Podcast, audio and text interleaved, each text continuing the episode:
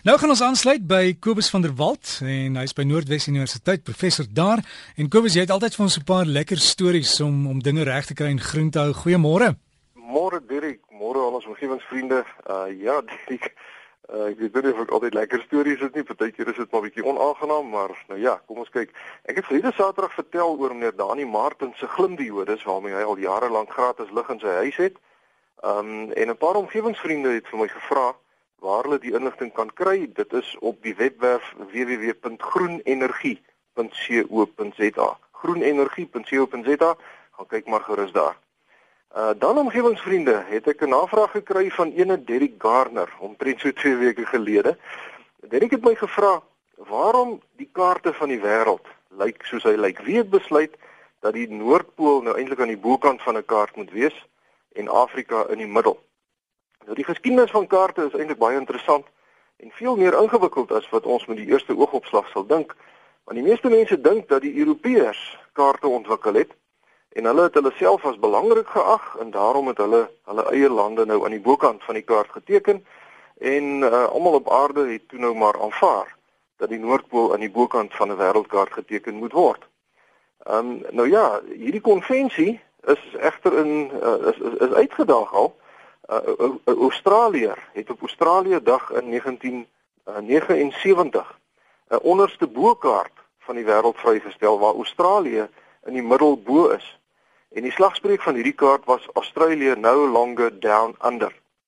Nou die punt met hierdie kaart was dat baie, baie mense bewustelik of onbewustelik die noordelike lande sien as meer ontwikkel en meer belangrik as die lande aan die onderkant van 'n normale wêreldkaart En as mens nou mooi daaroor dink, dan is dit eintlik nou maar so want 'n mens hoor uh, nooit van hulp wat Afrika lande of lande in Suid-Amerika aan Europa gee nie.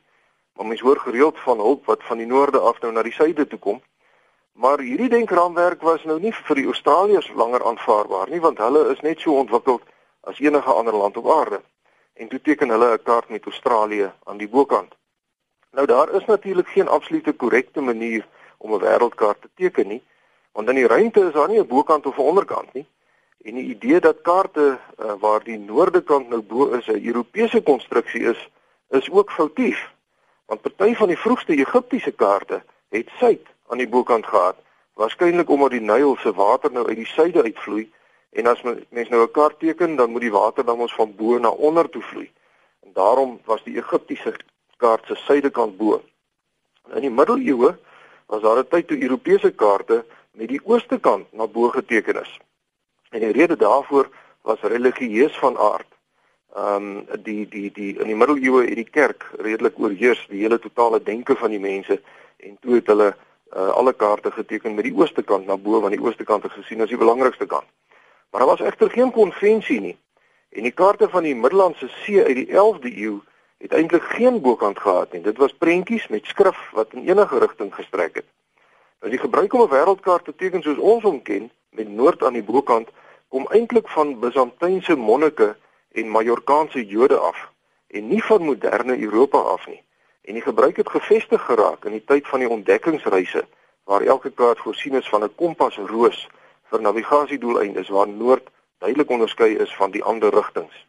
Die oudste bekende kaart met 'n kompasroos is uh in 'n in 'n Majorkaanse atlas van 1375 en dis logies dat die seevaders van destyds noord bo aan die kaarte sou plaas omdat hulle navigasie nou veral gesteun het op die ster Polaris of dan die Noordster.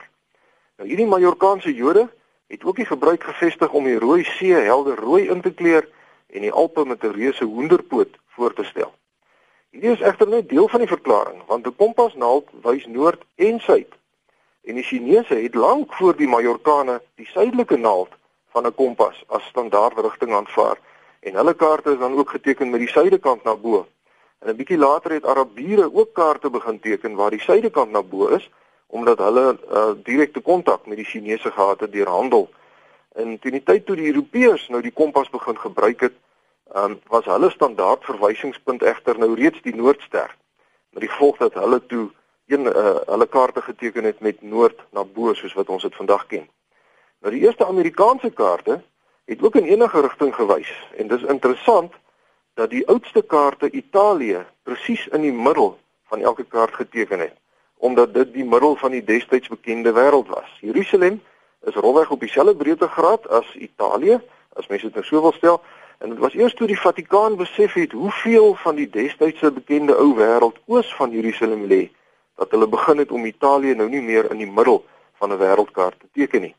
En dit het ook eers heelwat later aan die lig gekom hoe ver Noord-Italië eintlik van die ewenaar af lê en dit was eers toe Ptolemeus, 'n Hellenistiese kartograaf uit Egipte, omtrent 200 jaar na Christus 'n sistematiese konvensie saamgestel het met lengtelyne en breedtelyne op 'n krom oppervlak wat die huidige manier van wêreldkaarte met noord na bo gevestig geraak het. Ons moet onthou dat voor Ptolemeus se tyd baie mense nog gedink het die aarde is plat. Maar hy het besef die stad Alexandrië is in die noordelike deel van 'n baie groot bolvormige aarde waarvan die grootte redelik akkuraat bereken is deur die antieke Grieke reeds. Nou die posisie van Amerika in die weste van kaarte en Australië in die ooste is maklik om te verklaar want die grootste oseaan op aarde is die Stille Oseaan wat amper die helfte van die aarde beslaan. So 'n uh, ou sit hom nou aan die agterkant van die kaart en dit is dan logies om die uh, as mens nou die lande wil teken om Amerika links te teken en Australië regs. Maar daar is nou mense wat weer wonder of die feit dat die westerse beskawing van links na regs lees en die Amerikaners se gewaande arrogansie nie dalk iets daarmee te doen het dat Amerika nou juis links bo op 'n wêreldkaart sit nie want dis nou die eerste plek wat mense begin lees. Arabiere en Jode lees egter van regs na links.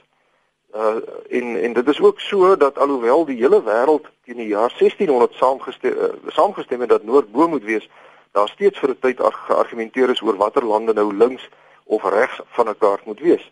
En daar is verskeie kaarte geproduseer met byvoorbeeld Amerika in die middel. Maar hulle het gou agtergekom dat die kaart soos ons hom vandag ken met Afrika in die middel die beste wyse is om alle lande op aarde voor te stel. Nou, 'n negatiewe gevolg daarvan eh, met Afrika in die middel van van die wêreldkaart is egter dat die lande na die ooste en die weste en dan noord en suid van 'n kaart se oppervlaktes met die meeste tipe kaartprojeksies baie gerek word, uitgerek word.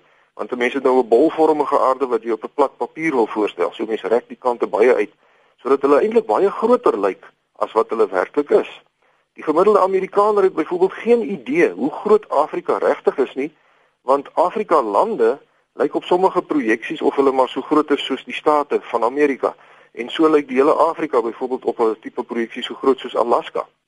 So om op te som, die oriëntasie van kaarte is die resultaat van eeue se politiek, die wetenskaplike ontwikkeling deur die eeue, die navigasie uh, van die van die Europeërs in daardie lande en dan tegnologie en dan ook blote toeval. Ek dink egter die onderste bokaart met Suid-Afrika en Australië aan die bokant is glad nie so 'n slegte idee nie. Ons is geen ondergeskik aan Europa of Amerika nie.